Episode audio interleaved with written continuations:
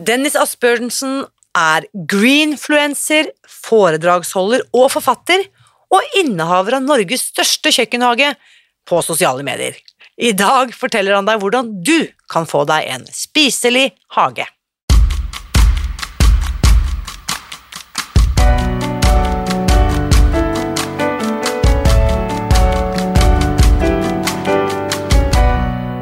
Mitt navn er Irina Lie. Jeg er journalist og forlegger, gründer og sosial entreprenør. I 2015 spiste jeg meg fri fra overvekt og fedme etter å ha slitt med vekt, kropp og følelser i nesten 30 år. Etter at jeg knakk koden, ga jeg meg selv et nytt oppdrag – å dele denne kunnskapen med alle som trenger det. I denne podkasten kan du derfor høre hele lydboken Spis deg fri. Den finner du ved å bla deg tilbake i arkivet og lytte til første sesong. Hver uke inviterer jeg nå gjester som gir deg påfyll til hodet, hjertet og magen. For min visjon er å endre Helse-Norge, og det får jeg ikke til alene. Du bidrar ved å abonnere på podkasten, skrive en omtale i iTunes og tipse meg om hvem jeg burde invitere hit. Da setter vi i gang med ukens episode. Jeg er ikke født med grønne fingre, for å si det sånn. Tvert imot. Jeg vil faktisk kalle meg eh, ganske grønn når det kommer til dyrking av planter og spiselige vekster. Likevel, de siste årene så har jeg blitt mye mer nysgjerrig på alt som handler om det å dyrke selv, enten det er snakk om eh, potteplanter eller vekster jeg kan spise.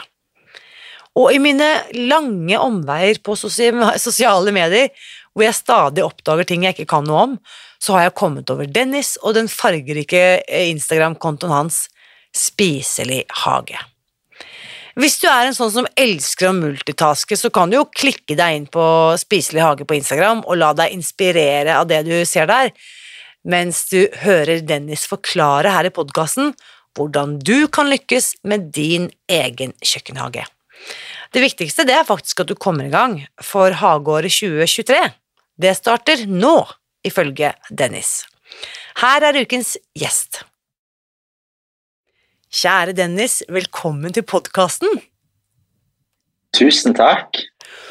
Dette, altså dette, denne samtalen har jeg gledet meg til, og nå er jeg litt sånn starstruck, for jeg følger deg jo i, i sosiale medier, og veldig gøy at du ville være med og spre litt eh, grønn glede på starten av dette nye året. Takk for det, og det var jo artig at du var litt starstruck. da. Det syns jeg var morsomt. Fordi, det er ikke så ofte jeg hører det. Fordi vi er jo da Vi har ikke snakket med hverandre før. Vi har tekstet litt eh, eh, på Instagram, for jeg oppdaget jo din fantastiske konto her eh, i høst. Så fortell litt, eh, Dennis, for de som ikke kjenner deg, fortell litt først om din egen bakgrunn, hvor i verden du er hen, og hvor gammel du er og sånn. Eh, mitt navn er Dennis. Jeg eh, bor i Stavanger. og Det er jo en veldig mild plass å dyrke min egen mat. Jeg eh, elsker å dyrke min egen mat, det det handler om, i hagen. Og så eh, Ja, jeg jobber egentlig heltid i dag da, med å drive kunnskapsformidling innenfor dyrking av spiselige vekster og grønnsaksdyrking generelt. Så jeg holder foredrag, skriver bøker, Um, dyrke min egen hage, holde kurs. Det er jo kjempegøy når folk kan komme her i hagen og se grønnsakene mine. ikke sant, for det, det, blir nesten litt sånn, litt sånn eh, nå, Jeg vet ikke, har du, har du rukket å få barn? Nei. Nei, det, men det, jeg tenker, Nå har jo jeg to barn, da, men det blir litt sånn babyene dine, disse, disse vekstene? Ja, både grønnsakene og hønene i hagen. Ikke sant? Men du, du er jo ikke gamle karen. 25, stemmer det? 25, ja. Det er jo Jeg rakk jo liksom bikke midten av 40-åra før jeg virkelig fikk eh, liksom sansen for dette her eh, spiselige vekster, da. Så hva, hvor, fra hvor kommer denne interessen? Hva, eh, dette må du fortelle om. Jeg har alltid likt å høste ting fra mine foreldre sine frukttrær og bærbusker det er jo et barndomsminne som jeg har som er veldig, veldig tydelig i meg. da. At det å kunne gå ut en augustdag og plukke inn egne plommer i hagen, det var en luksusfølelse. Og så har det egentlig vært sånn at eh, på bakgrunn av at jeg liker å høste ting, så måtte jeg dyrke min egen mat. Jeg kan ikke bare plukke godene, ikke sant? Ja. Mm. Ja, og, da, og så fikk jeg jo den glede av å dyrke min egen mat òg, da. Når jeg satte i gang som en 19-åring for seks år siden, så følte jeg på den der mestringsfølelsen av å kunne gå ut i hagen, grave i jorda, sette noen frø i jord, og så etter hvert kan du høste noe. Det var en mestringsfølelse som jeg kjente var en veldig veldig positiv mestringsfølelse, som jeg umiddelbart ønsker at eh, mange andre skulle kjenne på. Mm. Den samme gleden og mestringsfølelsen. Så her skjønner vi jo at eh, du har vært heldig da, med, med grønne foreldre, holdt jeg på å si, som har holdt på, og, og ikke minst også bor et sted med, sant, med frukttrær og sånne ting. Det er jo ikke alle vi som har vokst opp i blokk i byen som har tilgang på frukttrær og egen hage. Men det som jeg digger med det du formidler også, og og dette er jo da selvfølgelig Alt skjer på Instagram, det er der verden leves om dagen, under kontoen Spiselig hage. Så for de som ønsker å kanskje scrolle litt mens dere lytter, og titte på denne fantastiske inspiratoren, så er altså kontoen vi snakker om, Spiselig hage. I ett ord. Ikke noe understrek, ingenting. Men um, det at eh, Kan du huske liksom at foreldrene dine gjorde de noe liksom sånn Det er viktig at du også dyrker, eller bare var det tilgjengelig for deg gjennom oppveksten uten at de liksom pushet deg i den retningen? Hvordan var det? Mine foreldre de dyrker ikke så mye grønnsaker, det er mer frukt og bær. Eh, fordi at pappa ønsker å ha en litt enkel hage, sier han. Ja. Men, men jeg som barn hadde lyst til å ha brokkoli i hagen. Ok! Og det som skjedde da, var at pappa bygde en grønnsakskasse til meg. Og så sådde vi brokkoli, og vi sådde salat, og vi hadde en lite sånn minidrivhus på terrassen med agurkplanter i. Og det er jo sånn, det at han gjorde det på bakgrunn av et lite barns ønske, det tror jeg er grunnlaget for at jeg sitter her i dag. Fantastisk. Utrolig kul pappa du har. Altså, jeg håper han hører dette. Tommel opp til en brokkoli-pappa. Eh, virkelig. Og, og eh, kan du huske hvor gammel du var? Eh, når var det denne hendelsen? Seks-syv år. Seks-syv år. Ja. Altså, nå har jeg vokst opp med en far som er kokk, så jeg visste også hva brokkoli var når jeg var seks-syv år, men, men det er jo ikke sikkert alle barn i dag nødvendigvis vet det. Hvordan hadde du Spiste dere mye grønt og grønnsaker og liksom stor variasjon av grønnsaker, eller hvor hadde du fått dette brokkoligreiene brokkoli-greiene fra? Nei, det, det er en kombinasjon av at mamma er jo glad i et sunt kosthold, pluss at eh, naboen vår hadde grønnsakskasser som jeg så over gjerdet at de dyrka noe kål der og dyrka litt forskjellig. Og det var da jeg òg på en måte falt litt for fristelsen å gjøre det samme på andre siden av gjerdet. Utrolig kult. Vi inspirerer hverandre over hekken, det er helt, helt åpenbart. Nå, nå er det litt sånn teit, eh, teit spørsmål, men jeg må bare spørre. Er dette Bor du fortsatt i eh, dine foreldres hus, eller er dette det huset vi ser på Instagram, er dette ditt hus? Det på Instagram er mitt hus. Nettopp. Jeg, eh, jeg flytta ut når jeg var 19 år. Wow. Eh, For da flytta, flytta jeg til Stavanger sentrum og bodde i en liten leilighet der fordi jeg skulle studere. da. Så gikk jeg et halvt år på studiet, og så syntes jeg det var veldig kjedelig. og så droppa jeg ut, og så begynte jeg å dyrke mine egne grønnsaker heller. Og, så, og det var jo i hagen til en kollega av meg. Og, så ble, og da, da kjøpte jeg det huset, og det var basert på at jeg hadde spart penger egentlig hele livet og jobbet på siden av skolen helt siden jeg var 15 år. Jeg skjønner, for det, det, det ser jo ut som eh, Altså, nå vet jeg at man kan jo ikke nødvendigvis alltid vurdere alt ut fra Instagram-feed, men det ser ut som en utrolig hyggelig plass å bo, Dennis. Det må jeg bare si. Tusen takk, det er veldig trivelig her. Og så er det grønt og landlig rundt, selv om vi er bare fem minutter fra Stavanger sentrum. Det er ganske utrolig. Ja, det er det som er så kult med sant, en del av disse byene utenfor Oslo. Du skal, du skal bare et steinkast ut av midt i gryta, og så er du sant, litt sånn landlige omgivelser, som du sier. Men da Eh, ok, jeg blir veldig, veldig nysgjerrig også. Hvilket studie begynte du på? Hva, hva var det du tenkte å sveipe innom når du var 19?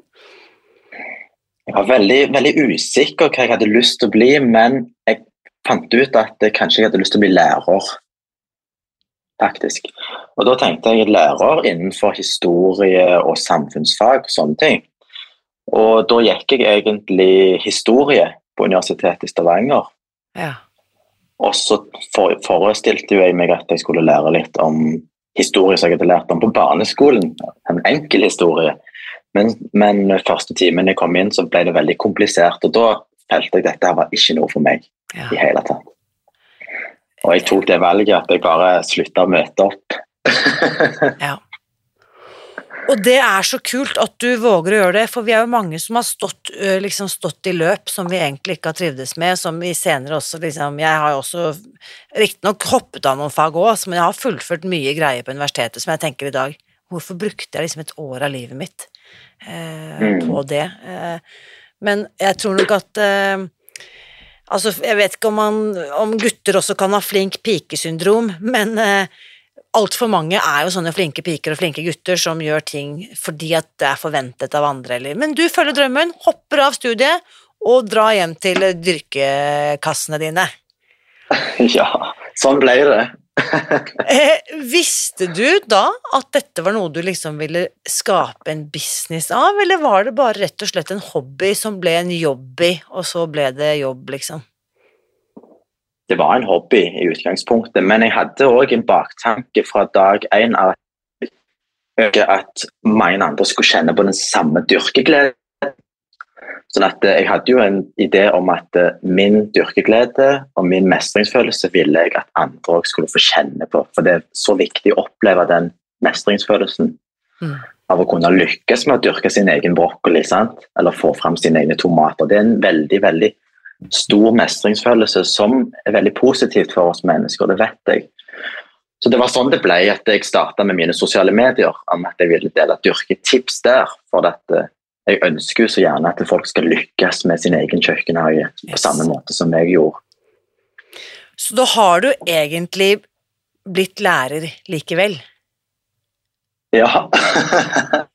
på min egen måte. Ikke sant? Fantastisk. Så da må vi Da begynner vi med brokkoli. Da kan vi rett og slett For du skriver jo her eh, utpå høsten her i, i, i fjor, så skrev du på Instagram at eh, Faktisk tidligere i fjor. Så skrev du på Instagram at uh, hageåret ditt, det begynner i januar. Og de fleste av oss har ikke engang tenkt at vi har jo helt glemt hagen, for den er jo dekket av snø, eller balkongen er helt nedpakket, eller hva som helst. ikke sant? Så hva mener du med det, Dennis, at hageåret starter i januar?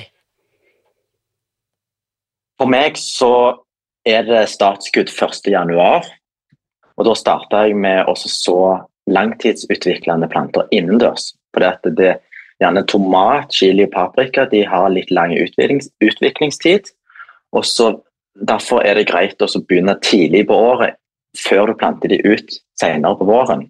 Så det har jeg begynt med nå. Og så, og så blir det jo veldig sånn at du klør i fingrene til å begynne. Med en gang julen er over, med en gang nyttår er over, så, så klør det virkelig med å komme ut i hagen. altså. Ja. Selv om det er kaldt ute.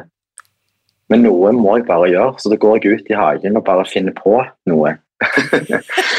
men eh, men eh, altså bor jeg jo veldig mildt til. Jeg bor jo i Stavanger, og vi har jo den mildeste klimasonen. sant? Sånn at de, de sier jo at det første offisielle vårdag her jeg bor, i Stavanger, det er 1. februar. Så det er ikke så veldig lenge til. Ok, det er såpass, ja. Dere har skikkelig tjuvstartet. Altså, jeg vet ikke om du er kjent i Oslo, men sant, her sier vi jo liksom de som bor på toppen i Holmenkollen, da. Liksom ved- rundt Holmenkollen og der omkring. Der varer vinteren en måned lenger og eh, begynner en måned før, så der har de jo ikke sant, Til og med i Mm. Oslo er det jo store klimatiske forskjeller, men jeg skjønner jo da første vårdag 1. februar, det er jo helt eh, spektakulært. Ja, De sier den offisielle første vårdag, men det kan jo fortsatt komme snø i februar. Men, men da tenker jeg at uh, siden det er en offisiell vårdag, så er det vår Ja, ikke min. Da, da er jeg i gang.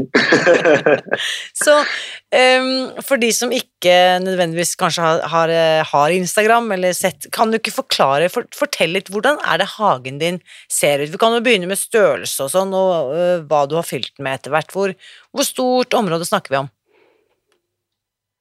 Um, I 2018 så kjøpte jeg et hus på en uh, nedlagt landbrukseiendom. Og Da var det en hage på ca. 500 kvadrat på baksiden av huset. da.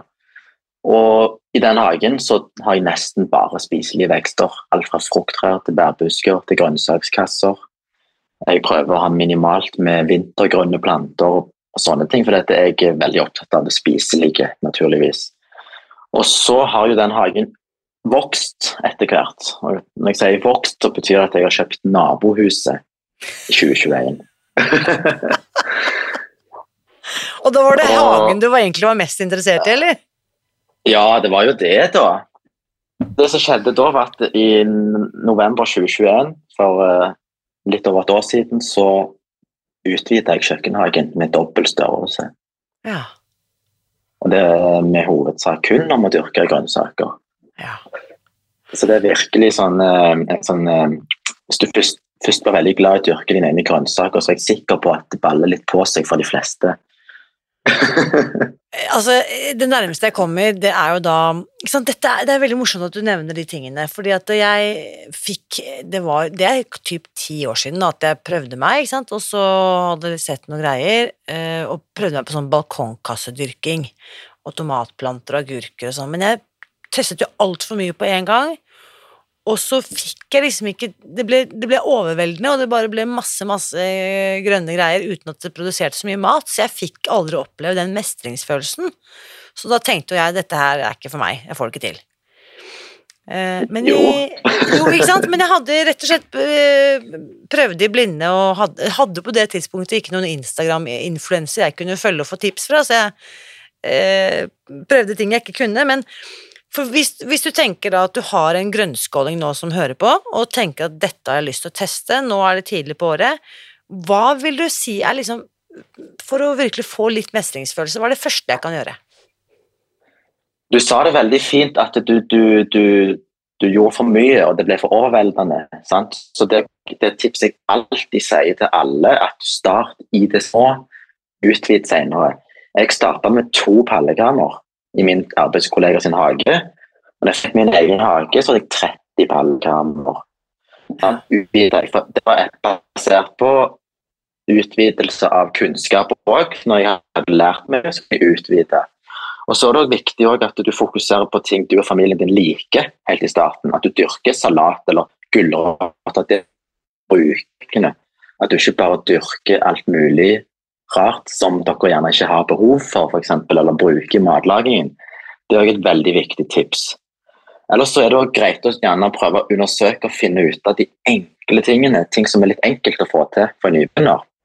Jeg kan jo si det at det, er veldig lett å få til salat, og det er veldig lett å få til poteter, og det er veldig lett å dyrke hvitløk. Det er tre enkle ting. Fantastisk. Salat, poteter og hvitløk, og med de tre ingrediensene så kan man jo lage veldig mye god mat. Mm, tre enkle som kan lages mye kjekt av på kjøkkenet. Mm. Ok, så eh, her hører du da med til historien at i fjor, eh, tidlig på året, så, så, skjønner jeg at det finnes en bondegård i Oslo, eller rett utenfor Oslo, i Bærum da egentlig, en sånn andelsgård. Eh, så der joinet jeg. Så siste året har jeg vært eh, andelsbonde da på Øverland. Jeg har hatt en egen episode om Øverland også. Og det som var så genialt der, var jo på en måte å få Altså det ble litt sånn shortcut, da, til alle den kort ureiste maten, og så fikk jeg lov til å være med å øh, Hva heter det, så, eller hva heter det når man setter ut ting. Og så nå i høst, sant, hvor vi kunne dyrke all den overfloden som spratt opp av jorden. Men, men eh, eh, det trenger ikke være komplisert. Du kan ta én settepotet, sette ned i en blomsterpotte, og så vil det gi poteter. Er det ikke så enkelt? Mm. Det er så enkelt. det er helt riktig. Men da kjente, da kjente, du på den mestringsfølelsen. Oh yes, det var derfor jeg ble Ja. liksom Det var med den derre Men det at jeg hadde en utrolig klok og kyndig gartner som kunne holde meg litt i hånden og forklare og? Ingen spørsmål var for dumme, så jeg tenkte sånn Oi, her, blir jeg, her føler jeg meg eh, Dette kan jeg få til. Det var, det var en helt fantastisk opplevelse, så, så og jeg egentlig bare angrer på at ikke jeg gjorde det mens barna var litt mindre, sånn at de fikk oppleve det fra de var små, for nå er de tenåringer og ikke interessert i å være med mutter'n på en bondegård, liksom. Men de får Ja, nei. gode maten, da. Det gjør de jo. Mm. Mm, ja, heldige de, da. De er jo det. Og så er det jo det som er så viktig òg, at eh, hvis du bor i et by for eksempel, og veldig urbant, at du kan bli med i sånne fellesskap. Et hagelag eller en andelsgård eller kolonihage. For da får du så mye god input, og man kan samarbeide om avlingene. Og du får òg en liten grønn hageflekk, selv om du bor i byen. Yes, helt klart. Det er masse muligheter. Ehm, og jeg vet også at veldig mange borettslag, det kan jo være en idé sant, til de som bor enten i Oslo eller andre steder rundt, som ikke har egen hage. Hvis du spør styrelederen din og spør kan jeg få sette opp en pallekarm, det skal veldig mye til altså, at vedkommende liksom ikke tillater deg det, hvis du på en måte tar ansvar for den pallekarmen. Så jeg tror det er, det er mye muligheter her, hvis vi bare ser oss litt rundt. Ja, det er jeg helt enig i. Det handler bare om å spørre. Yes.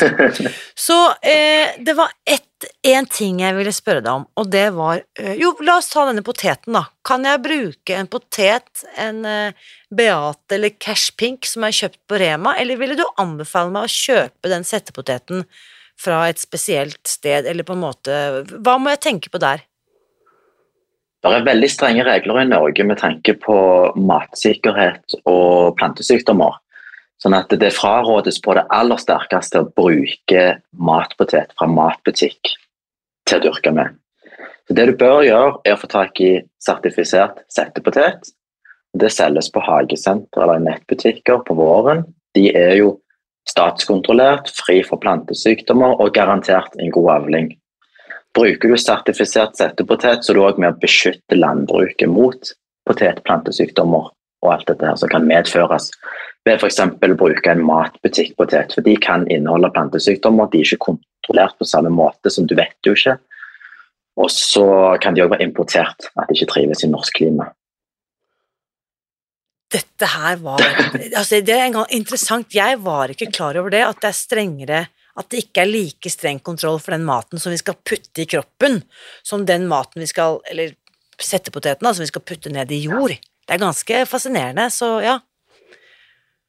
Så det er jo ikke generelt hovedbudskap at man ikke planter ting fra matbutikk, enten det er potet eller hvem som helst.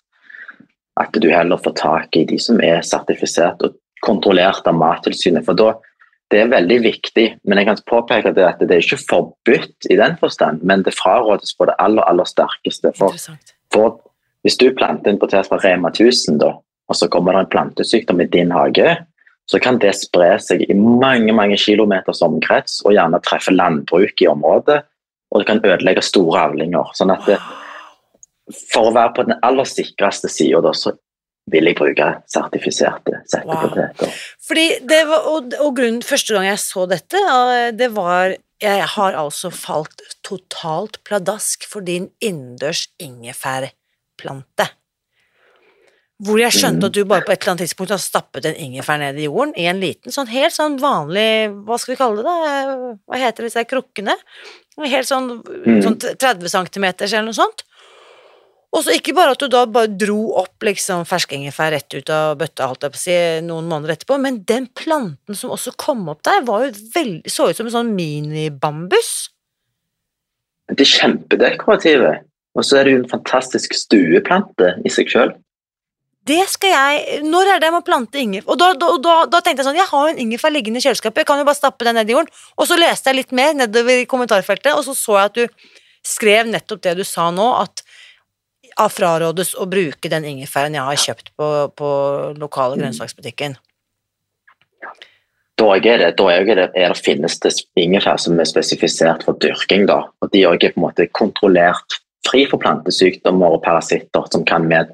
For Ingefær generelt er mye importert fra Kina eller fra andre steder av verden, og da kan det inneholde plantesykdommer. Yes. Og da er det også er det gjerne at de ikke er spiringsdyktige i, i den forstand òg, for det kan jo finnes mye planter som ikke er det fra matbutikk. Så det jeg sier er at uh, nå i januar så er tiden inne for å få tak i setteingefær, plant de innendørs, og så bare har du det innendørs hele sesongen. Da har du kjempeflotte planter etter hvert, som er pryd i stua. Så jeg planter i nå i januar, eh, har da fått tak i disse her Er det slik å forstå at du selger disse setteplantene også? Kan jeg få tak i det via Instagram-profilen din? Bestille det hos deg? Ja, ja, du kan, på min nettbutikk så har jeg jo ingefær og settepotet og alt dette her. For jeg får jo levert fra, fra godkjente leverandører i Norge. Ok, så hvis jeg bestiller i dag, så kan jeg Dette kan være Jeg kan være i gang liksom før uken er over, liksom. Da, du, da har du en fantastisk ingefær som du kan ha gleden av i mange år. fordi at det, da, når du på en måte høster den da, til høsten, så kan du bruke av din egen avling og plante på ny. Nettopp. Så du trenger bare kjøpe det én gang. Jeg skjønner, så dette er en evig avkastning. Hvis jeg bare Ja, det er en god valuta for pengene. Ja, det var, det var dagens reklame. Og så, ok, så eh, jeg planter den nå i januar. Når er det jeg kan begynne å spise min egen ingefær? Da må du nesten vente til høsten, sensommeren. Da kan du gjerne begynne å grave litt forsiktig i jorda og se om du kan knekke av noen biter her og der av røttene. Men du kan hele veien spise av det grønne bladverket. Det kan brukes i matlagingen. Smaker litt sånn mild type ingefær. Du kan også lage te av bladverket. Veldig god mild ingefærte. Og så kommer du til november. Da er det jo da er det store ingefær i jorda som du kan dra på nyte. Det var det jeg så den videoen når du dro opp de der råeste rett opp av eh, potten i stuen. Jeg bare tenkte det, det der skal jeg også gjøre. Det var så kult å se, altså. Virkelig. Mm. Så em, eh, flott. Tusen takk, Dennis, for at du liksom tar det liksom helt ned, sånn at det, selv mor kan klare det. Dette liker jeg veldig godt. Eh, og så må vi snakke om altså fordi at det, eh, ikke sant, Så scrollet jeg litt hit og dit, og så ikke bare har du Hva heter boken du har skrevet? Dette, dette vet jeg jo, men det har jeg glemt. Hva heter boken din? Spiselig hage. Ja, eh, rett og slett. Spiselig. hage. Kan den kjøpes i alle landets bokhandler og sånn, eller bare på nettbutikken din? Men Den kan kjøpes i alle bokbutikker og alt overalt i Norge. Yes, Spiselig hage. Um, Og, og, og nå i februar så kommer Spiselig hage 2. en oppfølger. Heter den faktisk det? Spiselig hage 2? Ja. Det er veldig bra. Jeg liker det, så skjønner jeg at det er en sequence her. Så ehm, kunne du fortelle litt om det du uh, Hvilke tips, hva slags type tips er det du deler i den spiselige hage 1, da, for å starte med den første først?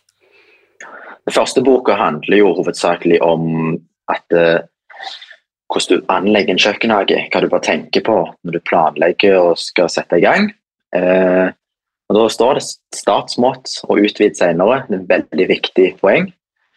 Du kan òg lese om masse grønnsaker og urter som er ramsa opp, hvordan du sår dem fra frø, steller med dem, hva de krever av næring osv. Og Da er på en måte hele oppskriften på hvordan du dyrker hver og en grønnsak. Du får òg mye tips om samplanting, skadedyrhåndtering, lister om enkle grønnsaker, såkalendere. Spørsmål hva er samplanting? Samplanting det handler om at du setter flere grønnsaker sammen for at de kan gjerne dra nytte av hverandre, eller at eh, du utnytter plassen effektivt i hagen. For det er jo ikke alle som har så stor hage, f.eks. Ja, så hva er det du kan kombinere der, for eksempel? Du kan kombinere egentlig alt. Det viktigste er at eh, alle grønnsaker og urter får tilgang på sollys og vann. At det ikke er noen planter som blir så veldig dominerende i en Mm. grønnsakskasse. Så f.eks. ha eh, gulrøtter og rødbeter i lag, ha løk og gulrøtter i lag. Du kan f.eks. ha alle urter blanda i lag. Det er at de drar nytte av hverandre på en veldig positiv måte. Um, jeg har jo litt sånn prosjekter gående på kjøkkenbenken, og jeg fikk en stikling. Jeg er veldig fornøyd med at nå har jeg endelig skjønt hvordan, man jeg kan, hvordan jeg kan få ting fra å være stikling til å bli liksom spire litt der, og så blir det planter etter hvert. Eh, da, siden jeg har deg på tråden Jeg har da altså fått en meksikansk oregano. Kjenner du til den planten? Nei. Nei, den er litt sånn hårete i bladverket, litt sånn tjukkere. Ikke, ikke sukkulent, men den er litt sånn tjukk urteplante, og, og tilsynelatende helt anonym. Før du tar på bladene eller liksom gnir litt på det, så bare kommer det fantastisk oregano-lukta. Men nå er det jo bare blitt én sånn stengel, ikke sant, med blader ut. Så tenker jeg den blir jo veldig stenglete. Kan jeg da bare bruke det tipset og bare knipe av rett over der hvor to blader kommer ut, og så vil den, skjønner du hva jeg mener, buske seg? Ja, altså det kan du hovedsakelig gjøre på normale normal eh, oregano og mynte. Men akkurat den meksikanske organen som du snakker om, er litt ukjent for meg. Men jeg ville jo prøvd. For det er jo sånn at hvor mer du høster urter og klipper ned, hvor mer vil de i busket i formen sin. Da skal jeg rett og slett jeg, Den er så Jeg er litt sånn, fortsatt litt sånn men, men, egentlig må jeg bare minne meg selv om det er ikke mulig å gjøre noe galt. Det er veldig vanskelig å gjøre noe galt med en plante. Ja. Det er mange er veldig redd for, at de gjør noe galt. Ja. Ok, jeg skal hjem, og så skal jeg prøve å knipe av, og da har jeg om ikke annet i hvert fall en ny stikling som jeg kan uh, finne på noe gøy med hvis det skulle gå helt galt med, med utgangspunktet der. Men det har jeg har troen. Jeg har troen. Ok. Mm, um, takk.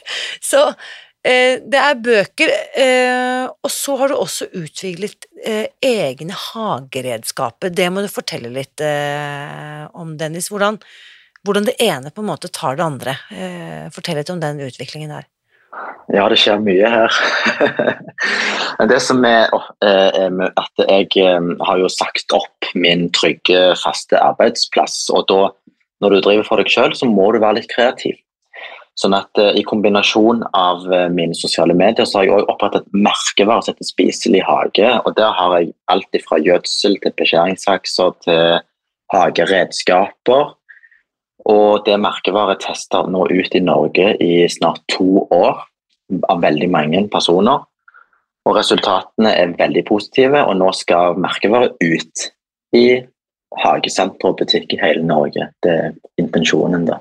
Det er jo helt fantastisk. Gratulerer! Tusen takk! Jeg er helt uh, hatten av, og jeg må bare si liksom Altså, hvis vi på en måte hopper over fra hagepraten praten ved hagegjerdet, liksom, og over liksom på gründersiden av det du holder på med, Dennis. For jeg har jo også vært selvstendig siden nå 2009, det begynner jo å bli 13-14 år, ikke sant. Så hvordan øh, Ja, hvordan opplever du livet som gründer, eller det å liksom du har, sagt, du har sagt opp din faste jobb og er nå på egne bein. Hvordan har det vært for deg? Det har vært veldig, veldig interessant. For det, det, som er å stå på egne bein, det er ganske tøft. altså. Det er ikke så enkelt som folk tror. Og det å drive eget firma, det er jo noe som gjør at du krever mye av deg sjøl. Det er ikke syv og en halv times arbeidsdag til tider der, mm. det kan jeg si. Men det gir så mye, for det er veldig gøy å drive eget firma. At du kan styre din egen hverdag, og du kan gjøre noe du virkelig brenner for. Og når du virkelig brenner for noe, så har du òg ti ganger mer energi til å holde på med det. Det, det, er så sant. Så, ja. mm. Og så er det jo sånn at uh, jeg, har alltid drømt om å liksom altså, Det som jeg jobber med i dag, er jo egentlig noe som er ganske bærekraftig. Sant? Det å drive med kunnskapsformidling om dyrking og kjøkkenhage, at folk skal dyrke, lære seg å dyrke sin egen mat og alt. Det er bærekraftig, og så er det viktige tema. Så, så jeg er veldig glad for det jeg holder på med. Da blir det på en måte en vinn-vinn-vinn, ikke bare for deg, men også for kundene dine og for lokalmiljøet, og så kan vi liksom bare på en måte multiply. Eh, og hvis alle hadde gjort som Dennis i Stavanger, så hadde, vi, så hadde det ikke vært krig i verden, liksom. Skal se det på den måten, det. Ja. så, så, hageredskaper, bøker um, Holder du nettkurs også? Ingen digitale kurs foreløpig, kun fysiske. Eh, så jeg, jeg, jeg, ble jo invitert veldig mye til hagelag og organisasjoner og bedrifter rundt omkring. Og så besøker jeg de, har litt kurs, har litt foredrag. Både til kommuner og alt mulig. Men jeg jobber òg med å produsere digitale kurs. Ja. For det er jo litt gøy for noen òg som gjerne ikke har muligheten til å komme fysisk, at de gjerne er hjemme og sånne ting, og da er det veldig gøy med digitalt kurs. Altså, jeg har jo øh, utviklet digitale kurs siden 2017, og det vet jeg er noe folk setter utrolig stor pris på, at de kan få tak i denne kunnskapen selv om de er i Stavanger, da, eller Molde, eller hvor de mm. måtte være. Så, Så godt det, å høre. Ja, det vil jeg virkelig Altså, denne kunnskapen må ut til enda flere, Dennis, og du må øh, støtte deg i den ideen å lage digitale kurs. Jeg skjønner at du er i gang allerede. Så eh, har vi jo da eh, dyrkingen. Eh, jeg er nysgjerrig, du sier at du har 30 pallekarmer i dag? Jeg fikk 30 når jeg flytta inn i mitt hus i 2018, men nå har jeg 115. Wow! 115, altså det er greit, jeg er liksom over den gjennomsnittlige kjøkkenhage, helt åpenbart. Men hva gjør du med all maten? Jeg har heldigvis uh, sultne naboer og familie som kommer innom og plukker så mye de klarer. Så det, det handler egentlig bare om at jeg syns det er veldig gøy å dyrke. Veldig gøy å så frø. og Når du skal så rødbeter, så sår jeg ikke ti rødbeter, men da sår du 100 rødbeter med en gang. For da kan jeg òg sulte og oppbevare og dele med folk. det er bare sånn det Det blir på en måte Det blir bare en del av hverdagen å dyrke min egen mat. Jeg bare holder på med det, og så blir det mye, og så deler jeg med de jeg vil. Og er du helt selvforsynt med mat? Nesten helt selvforsynt. Eh, jeg sliter litt rundt juletider. Ja. Hva er det det er manko på da? Mm. Da er det veldig manko på salat, friske salater, manko på kål, det er manko på Ja, det var vel det. Resten finner jeg i fryser eller sånt. Jeg fryser jo mye tomater, jeg kan sulte rødbeter, sulte gresskar, du kan forvelle grønnsaker. Men det blir jo tomt på et tidspunkt. Og så kommer januar, og da holder jeg på med sånn såing av frø, og da føler jeg at jeg er i gang igjen. Men da har jeg òg mye microgreens innendørs, bare for å ha noe grønt. Hva er det for noe? Microgreens det er at du sår frø, og så spirer de. Og så høster du spirene bare og spiser de. F.eks. ertespirer. At du tar ah. tørre erter, sår de en skål med jord, og så spirer de, og så klipper du de etter syv dager, og så har du de på skiven. Veldig godt. Ja, Og det er egentlig det som veldig mange snakker om som spirer, ikke sant? Spirer, ja. Og det er veldig sunt òg.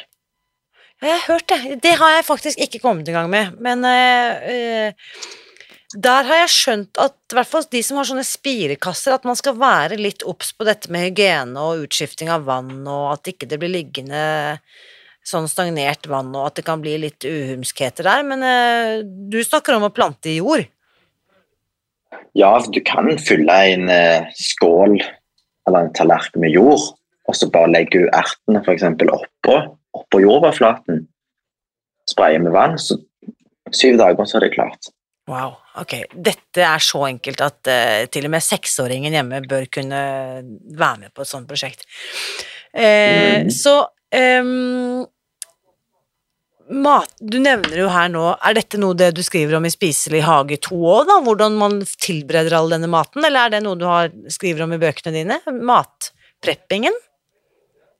Det er, litt, det er ikke så veldig mye matprepping i bøkene mine, for de handler hovedsakelig om hvordan du dyrker maten. Men er, i Spiselig hage 2 så er det noen oppskrifter, noen enkle oppskrifter som passer til temaene i boken. da. Men det ligger på, virkelig på agendaen da, til en, enda en oppfølger. Ja, ja, Spiselig hage 3. ja. Så eh, eh, Du nevner jo fermentering, sylte smelting, fryse ned, altså har du sånn Altså, nå har jeg nettopp, da, med tanke på at jeg har blitt andelsbonde nå i fjor, så har jeg kjøpt en liten fryser som jeg har i kjellerbonden. Um, en ekstra fryser. Men hvor, hvor, stor frysekapasitet har du, liksom? Hva, hva snakker vi om? Da snakker vi om tre-fire frysebokser. Ja, ikke sant? men, men uh, det er jo det er jo hovedsakelig av stor interesse. Sant?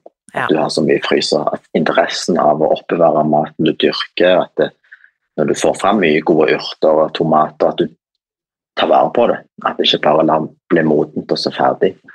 Ikke sant. Så derfor har jeg det. Det, men det er kult å høre at du virkelig forvalter de verdiene og de ressursene liksom helt fra liksom start til, det- til det er spist, da. Um, og hva tenker du i forhold til sånn ja, det siste, siste året kanskje spesielt, så er det jo mange av oss som har måttet se litt nøyere på utgiftene. Hva, er dette kostbart, eller hvordan er det sånn eh, i forhold til investeringer og, og ja? Jeg, det, jeg pleier alltid å si det at en kjøkkenhage kan være veldig kostbar hvis du vil, men den kan òg være veldig billig. Ja. Så det, det, det, det, I bok to her nå så handler det faktisk om hvordan du kan gjøre det så billig og rimelig som mulig med en kjøkkenhage. For når jeg starta å dyrke min egen mat, så hadde jeg et veldig veldig lite budsjett. Det var vel 400 kroner. Og da skulle jeg ha alt på 400 kroner. Og da ble det frø, plantekasser plantekasse og jord. Sånn. Og så må du hele veien være kreativ for å gjøre det så rimelig som mulig. Og da bl.a. f.eks.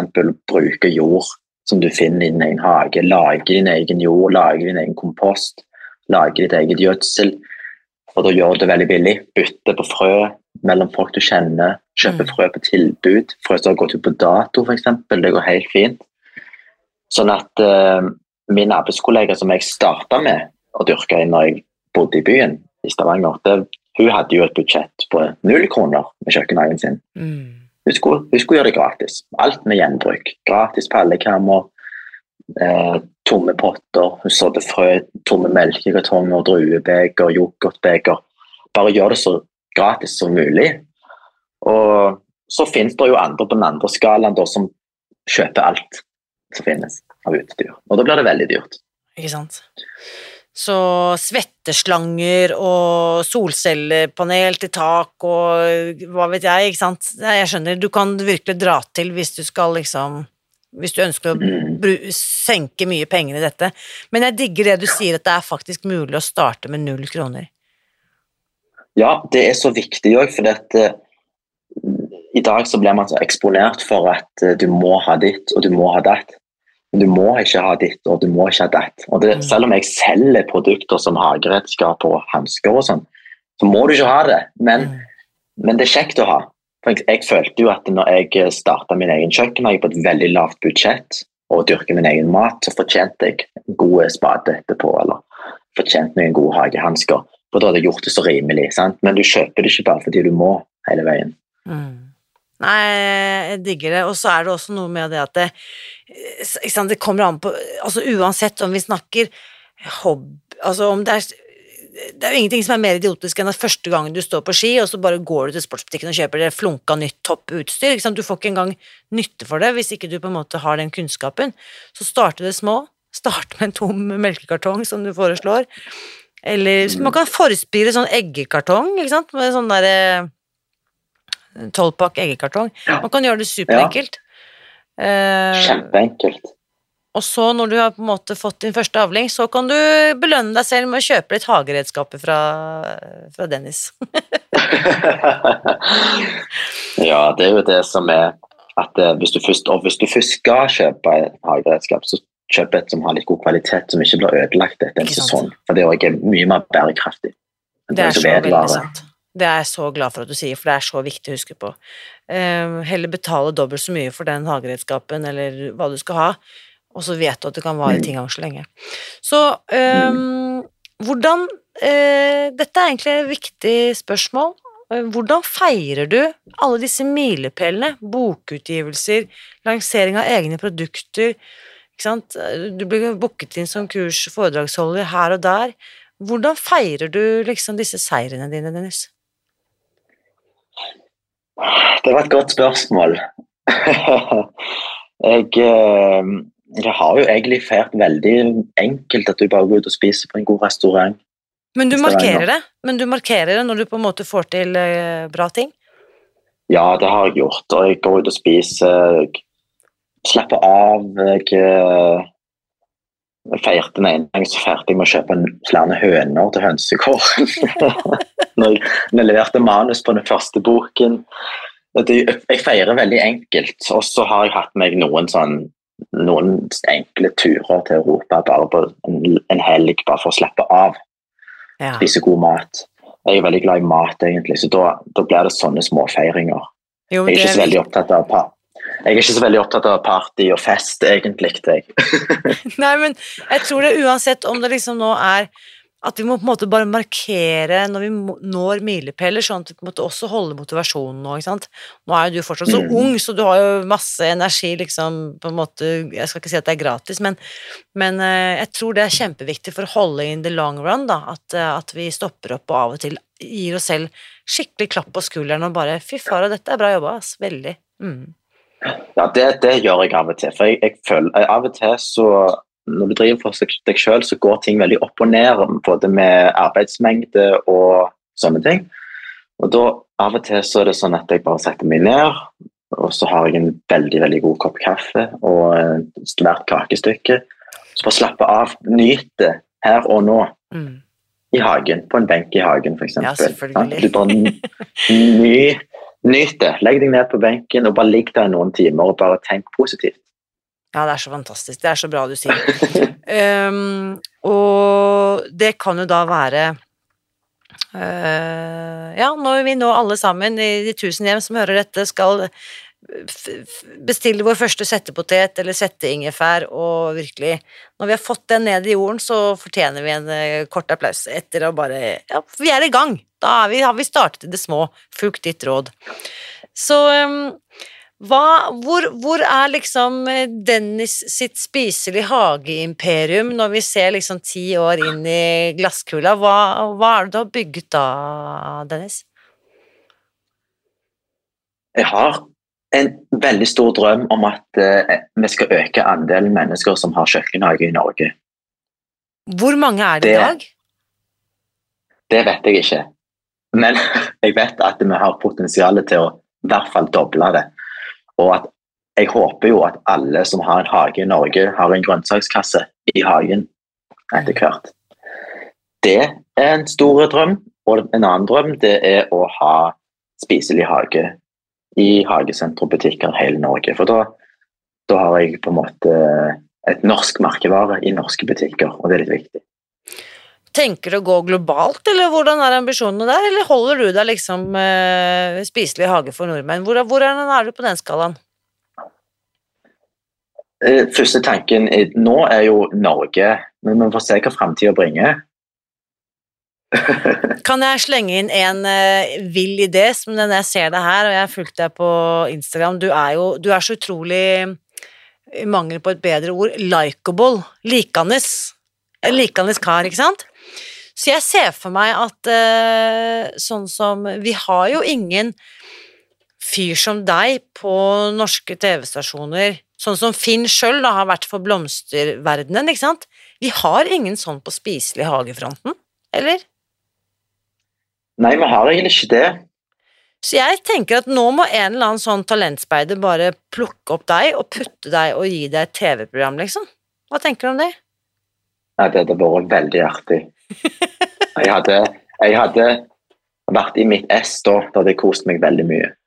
Jo, fordi eh, det, det, det ser jeg komme, eh, Dennis. Det er helt åpenbart. Det eh, Jeg driver ikke og spår i kaffegrut, altså, men det, for meg virker det helt sånn obvious. Så mens vi venter på at du skal dukke opp på en TV-skjerm nær oss, så kan vi altså gå inn på Instagram, Spiselig hage, nettsidene dine, og snart kommer altså bok nummer to også, så det Den skal jeg rett og slett eh, bestille. Den gleder jeg meg til. Tusen takk. Da må du ha fantastisk eh, takk eh, for praten og masse inspirasjon, og så Da skal du sikkert tilbake til plantekassene dine, og så lover jeg deg at jeg skal legge inn bestilling på en sånn setteingefær, for den der vil jeg ha i stuen min. Tusen takk. Det var veldig hyggelig å prate med deg. I like måte så skal jeg følge deg videre på Instagram og sende deg noen updates om eh, alle mine prosjekter. Tusen takk for i dag, Dennis. Ha det. Nå lurer jeg på, hva tenker du etter å ha hørt min samtale med Dennis i dag? Bli med over i den åpne Facebook-gruppen Spis deg fri, hvor samtalen etter ukens episode fortsetter. Og har du noen gode dyrketips eller planer for hva du skal dyrke i 2023, så fortell gjerne om det også. Jeg blir så innmari inspirert når jeg ser og hører om andre som går i gang med små og store prosjekter. Enten det skjer i hagen, eller ute på balkongen, eller på kjøkkenbenken, så del gjerne. Og siden vi er på starten av dette fine, nye, grønne året, så har jeg lyst til å hente opp igjen det grønneste tilbudet vi noen gang har hatt, nemlig det såkalte kokeboktilbudet. Det finner du på nettsidene våre ved å gå til spisdegfri.no kokeboktilbud. Tilbudet det inkluderer altså den store, grønne kokeboken vår, den som egentlig heter Den offisielle kokeboken for Spis deg fri. Her får du fargerike oppskrifter til frokost, lunsj og middag, og i boken finner du også matplaner for et helt år, tilpasset både deg som spiser kjøtt, fugl og fisk, og for deg som foretrekker vegetariske eller veganske alternativer. Og når du bestiller kokeboken på våre nettsider, så får du altså med deg det populære nettkurset To uker som en gratis bonus. Tilbudet det finner du på våre nettsider eller ved å gå til spisdegfri.no kokeboktilbud. Ikke nok med det. Da vi lanserte den grønne kokeboken for første gang, det var i januar 2020, da inviterte vi Spis deg fri-følgere over hele landet til å lage disse oppskriftene hjemme på sitt eget kjøkken og spille inn en video. Og disse fantastiske gjør det selv-snuttene de har vi samlet i et eget videobibliotek, som du også får tilgang på når du bestiller denne boken. Så her er det egentlig bare å klikke deg videre til nettsidene våre og bestille dette fantastiske tilbudet på spisdegfri.no kokeboktilbud. Boken den sender vi hjem til deg i postkassen din, mens videobiblioteket og nettkurset to uker det får du tilgang på med en gang. Husk også, uansett hvilke frø du planter og hvilke tanker du vanner i 2023, så vit at jeg heier på deg. Alltid.